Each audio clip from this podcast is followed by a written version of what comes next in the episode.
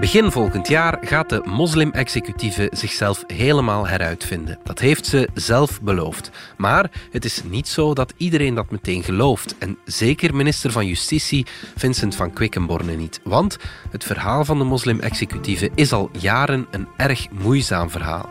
Waar loopt het fout en hoe ver staan we nog van een westerse islam? Het is woensdag 10 november. Ik ben Alexander Lippenveld en dit is vandaag de dagelijkse podcast van de Standaard. Mag ik je er ondertussen nog even aan herinneren dat de Standaard het eerste weekend van december een podcastfestival organiseert in Oostende, waar je tal van bekende nationale en internationale podcastmakers aan het werk kunt zien. Ik zal er zijn en mijn collega's van de Standaard, maar ook bijvoorbeeld Alex Agnew van Welcome to the AA. Fantastische podcast. Je vindt het programma op www.dspodcastfestival.be.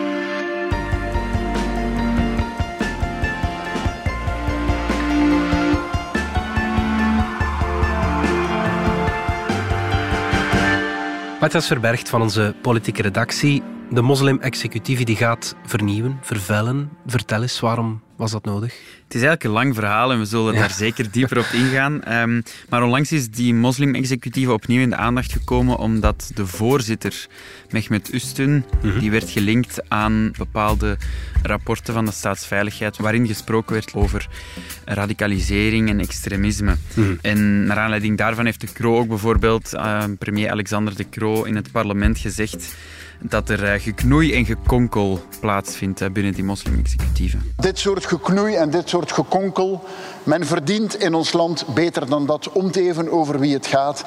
Dit soort zaken kan men nooit aanvaarden, bij welke geloofsgemeenschap of bij welke activiteit het ook zou uh, zijn. Laat ons even terugspoelen. Waarom werd die moslim-executieve ooit opgericht?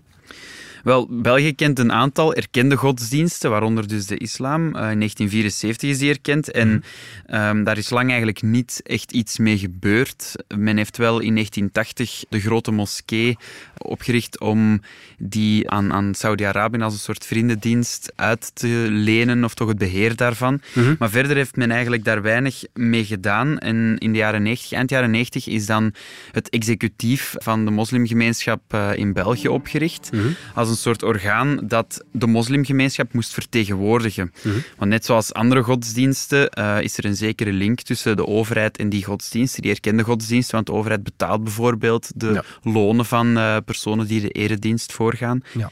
En de moeilijkheid met de islam is dat die eigenlijk niet hiërarchisch gestructureerd is, zoals bijvoorbeeld de katholieke kerk of ook de Joodse uh, gemeenschap. Dus daarom heeft men het nodig. Je hebt geen, zoals er een aartsbisschop is bij de, in de katholieke kerk, dat heb je bijvoorbeeld niet. Je hebt geen nee. aartsimam. Nee, inderdaad. En men zocht dus een gesprekspartner uh, voor die overheid en een gesprekspartner die in het ideale geval die moslimgemeenschap zo goed mogelijk zou vertegenwoordigen in, in al zijn diversiteit. Ja, oké. Wat werd er verwacht van die moslim-executieven bij die oprichting?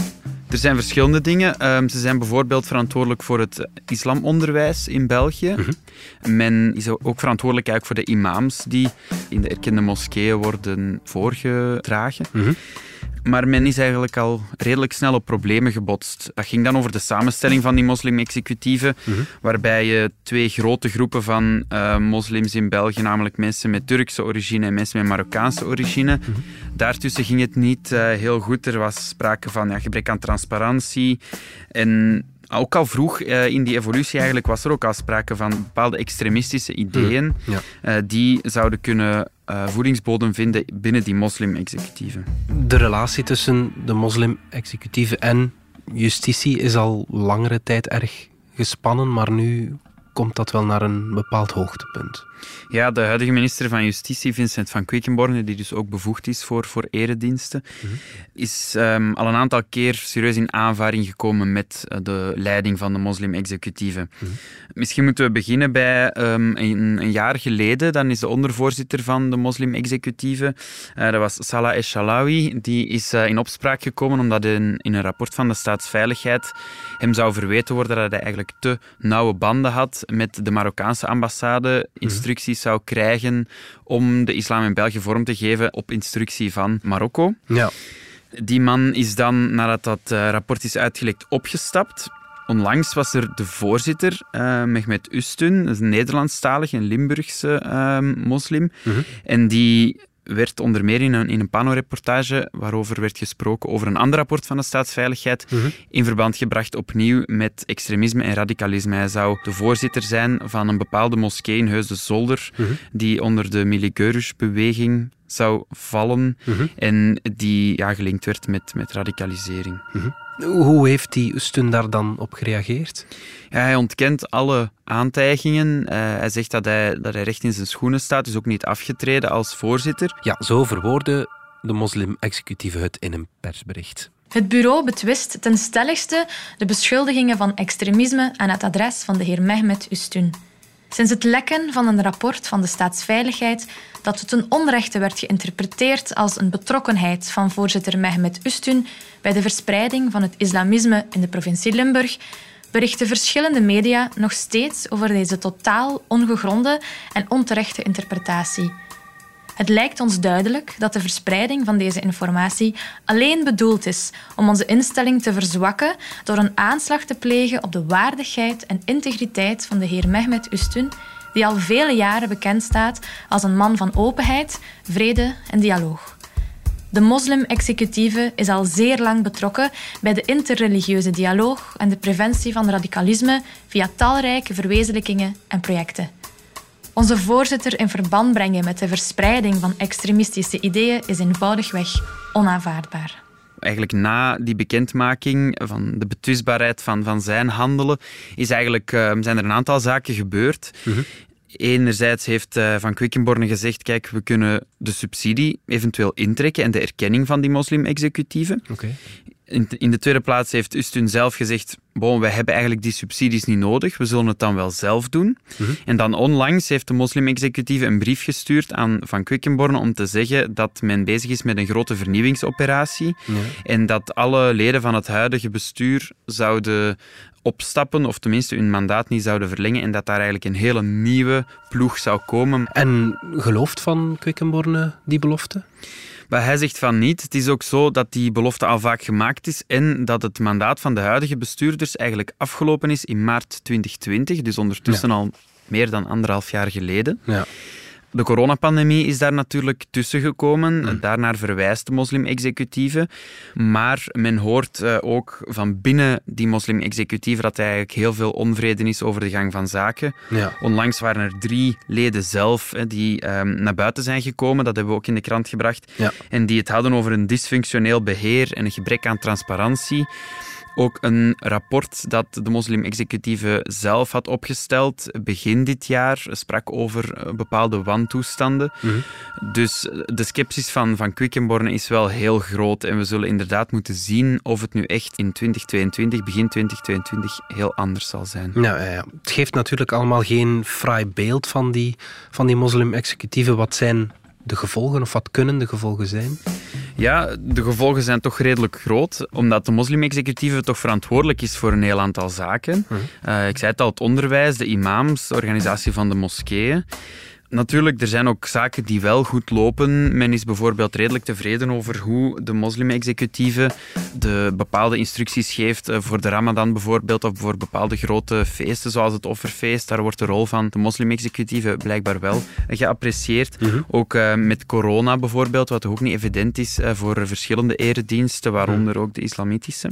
Ja. Maar in zware dossiers um, heeft de moslim-executieve het eigenlijk vooral dan sinds de aanslagen van 2016 erg moeilijk. Mhm. Want daar is er veel veranderd. Ja, vertel. Wel, in 2016 waren er natuurlijk de aanslagen in Zaventem en Maalbeek, die uit extremistisch-islamistische hoek kwamen. Men heeft dan een onderzoekscommissie ingesteld in het parlement. Mhm. Die onderzoekscommissie heeft een hele reeks aanbevelingen gedaan, maar ook een lange reeks maatregelen die zouden moeten genomen worden met betrekking tot die moslim-executieven. Ja. Eén daarvan is bijvoorbeeld die grote moskee in Brussel. Ja die, zoals ik daarnet al zei, onder uh, vooral Saoedisch bewind stond mhm. en waar uh, wahhabistische en, en, salafistische vormen van de islam uh, werden beleden volgens de vaststellingen van die onderzoekscommissie. Ja. Daar heeft men gezegd, kijk, het beheer daarvan nemen we, moeten we afnemen van Saudi-Arabië en moeten we geven aan de moslim-executieven. Zij werden aangeduid als de instantie die daar moest zorgen voor een goed beheer van wat eigenlijk de meest emblematische gebedsplek is van die gemeenschap in België. Ja, ja, een tweede aanbeveling was het um, inrichten van een imamopleiding. Mhm. Dus een opleiding in de Belgische landstalen voor imams, die op dit moment niet voorhanden is. Onze imams, of de imams die naar België komen, zijn grotendeels uh, van het buitenland afkomstig. Mm zijn ook heel vaak de taal niet machtig. Dus dat vond men een van de grote problemen. Hmm. Omdat uh, op die manier er ook weinig toezicht was en, en, en een, een, soort voedingsbodem voor radicalisering in moskeeën zou kunnen gecreëerd worden. Ja. Maar die twee dossiers zijn eigenlijk niet goed aan het lopen. Ja, en waarom niet? Wel, die imamopleiding misschien om mee te beginnen, die is er niet vandaag. Hmm. We zijn vijf jaar na de aanslagen, langer dan vijf jaar. We hebben daar in het begin van dit jaar ook een reeks over gemaakt voor de hmm. krant. Daaruit bleek dat die imamopleiding onbestaande is. Er was een samenwerking met de KU Leuven voor een academisch programma en dan moest er een soort theologisch programma door de moslim-executieven worden uitgeschreven. Die academische opleiding die is er, maar het theologische programma is er niet. Dus er zijn geen studenten. Aan Franstalige kant is er een gelijkaardig probleem. Mhm. En die grote moskee, ook daar heeft men vastgesteld dat eigenlijk het nieuwe beheer van die moskee in handen van de moslim-executieven onvoldoende de zeg maar, westerse vorm of zo van de islam kan uitdragen. Men heeft daar ehm, dan ook een aantal uh, incidenten gehad met, met nieuw benoemde imams. Mhm. Dus ook daar liep het eigenlijk niet uh, heel vlot. En dus die twee grote symbooldossiers tonen eigenlijk aan, volgens de critici toch, dat die moslim-executieve dysfunctioneel is. Die moslim-executieve is ook belangrijk voor de erkenning van moskeeën, maar ook dat loopt niet vlot. Hè? Ja, dat klopt. Er zijn um, op dit moment eigenlijk in maar zeer weinig uh, moskeeën effectief erkend. Mm -hmm. Ook bijvoorbeeld omdat in Vlaanderen die erkenning jarenlang heeft stilgelegen. Nu is er onlangs een decreet goedgekeurd in het Vlaams parlement van uh, minister van Binnenlands Bestuur Bart Somers die ervoor moet zorgen dat er opnieuw erkenningen kunnen plaatsvinden. Want het is pas als een moskee erkend is dat er controle kan op worden uitgeoefend, maar ook dat bijvoorbeeld die mensen die de eredienst verzorgen betaald kunnen worden door de overheid. Op dit moment zijn er in Vlaanderen bijvoorbeeld 27 moskeeën erkend. Hè. Op 300 gemeenten is dat niet veel. En om een idee te geven, 1588 katholieke kerken. Okay, dus dat is een totale wanverhouding met, met de reële aandelen van die godsdiensten in ons land. Ja. En daar zou nu verandering in komen. Hmm. Uh, over dat decreet is er heel wat te doen geweest, want die legt eigenlijk een zeer vergaande controle op, op al die erkende lokale geloofsgemeenschappen, zoals dat dan heet. Niet alleen de islamitische natuurlijk, maar ook de andere. Hmm. Maar uiteindelijk is dit nu wel goedgekeurd. We gaan er even uit voor reclame. 7 uur opstaan, 7 uur 30 half uur joggen, 8 uur call met mijn ex, hm. 9 uur eerste meeting op het werk, 10 uur presentatie voorbereiden, 10 uur 30 presenteren, 12 uur de zoveelste meeting, 14 uur 221 mails beantwoorden, 18 uur de kinderen helpen met hun huiswerk wiskunde en om 20 uur 30 eindelijk verder bouwen met Lego. Even tijd voor jezelf nodig? Vind je flow met Lego en geniet van een ontspannende uitdaging. Zoek op Lego sets voor volwassenen. De invloed van buitenaf, ik heb het gevoel dat dat een constante is in uh, je verhaal, Matthias. Waarom is dat zo'n tere plek? Ja, dat is eigenlijk een heel moeilijke kwestie. Hm. Ook omdat die moslim-executief en een deel van die moslimgemeenschap die zegt ook, kijk, ook de katholieke kerk krijgt instructies vanuit Rome en er worden constant priesters vanuit bijvoorbeeld Afrika, bepaalde Afrikaanse landen naar België gehaald uh, wegens uh, het uh, priestertekort bij ons. Ja. Dus waarom worden wij zo geviseerd? Hè? Het, is, het is niet meer dan logisch dan dat een godsdienst bij uitstek landsgrenzen overschrijdt. Mm Iets anders is natuurlijk de mm, koppeling van, van politieke ideeën daaraan. Hè. In, in, veel andere godsdiensten beperkt zich men wel tot het religieuze, theologische. Bij de islam is daar ook vaak een, een politieke component bij omdat die godsdienst zich nu ook eenmaal uitspreekt over een heel aantal politieke zaken en over hoe de maatschappij te organiseren. Hmm. En bepaalde islamitische landen proberen ook via godsdienst invloed uit te oefenen op uh, moslims of eventueel onderdanen die zich in het buitenland bevinden. Ja. Zoals Saudi-Arabië, maar ook uh, andere landen zoals Marokko of Turkije. De invloed van buitenaf is dus ja, groot. Veel politici bij ons dromen van een soort Europese islam. Denk je dat dat er ooit kan komen?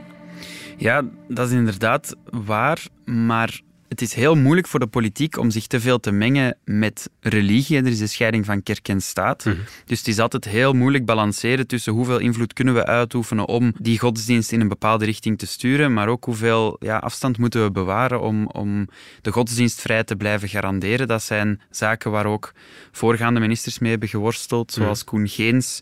Maar ook daarvoor is het altijd al een, een issue geweest. En bij Van Quickenborne komt daar dan nog eens de moeilijkheid bij dat hij een liberaal is, dat eigenlijk in principe die partij zegt die staatssubsidiëring van erkende godsdiensten, Ja. dat moeten we herbekijken. Daar moeten we vanaf, of toch in elk geval moet het eh, sterk beperkt worden.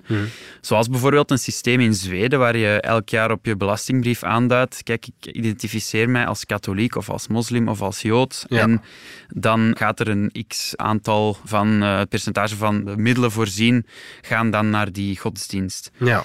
Dus dat is de moeilijke kwestie voor hem. En, en dan wat die Europese islam betreft, dat is inderdaad een streven dat ook naar voren komt uit die parlementaire onderzoekscommissie.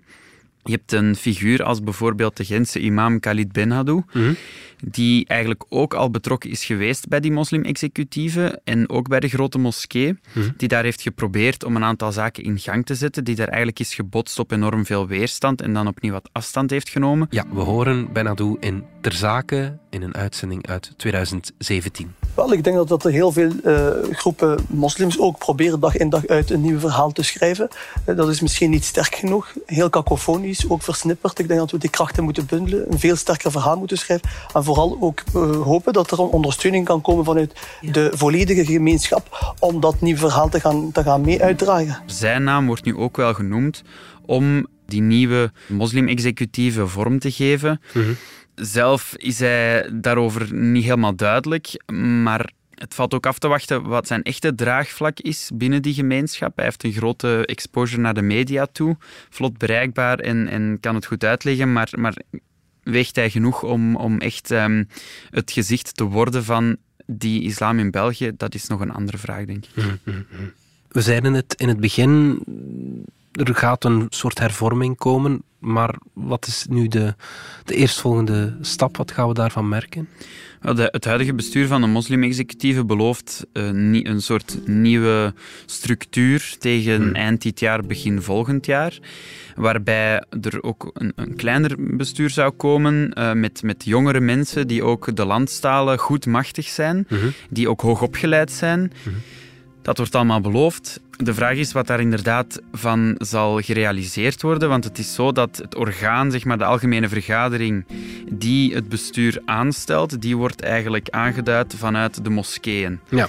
Ook iemand als Mehmet Ustun zegt dat ja, zij moeilijk vat hebben op wie die moskeeën dan uiteindelijk afvaardigen. Ja, ja, ja. Dus er kunnen goede intenties zijn, maar het valt nog af te wachten of het effectief zover zal komen. Oké, goed. Matthias Verbergt, dankjewel. Graag gedaan. Dit was vandaag de dagelijkse podcast van De Standaard. Bedankt voor het luisteren. Ken je trouwens DS Podcast al, de podcast-app van De Standaard? Daar luister je niet alleen naar onze journalistieke reeksen, je krijgt ook elke week een eigenhandige selectie van de beste nieuwe podcasts op de markt. Alle credits van de podcast die je net hoorde vind je op standaard.be-podcast. Reageren kan via podcast.standaard.be. Vrijdag zijn we opnieuw.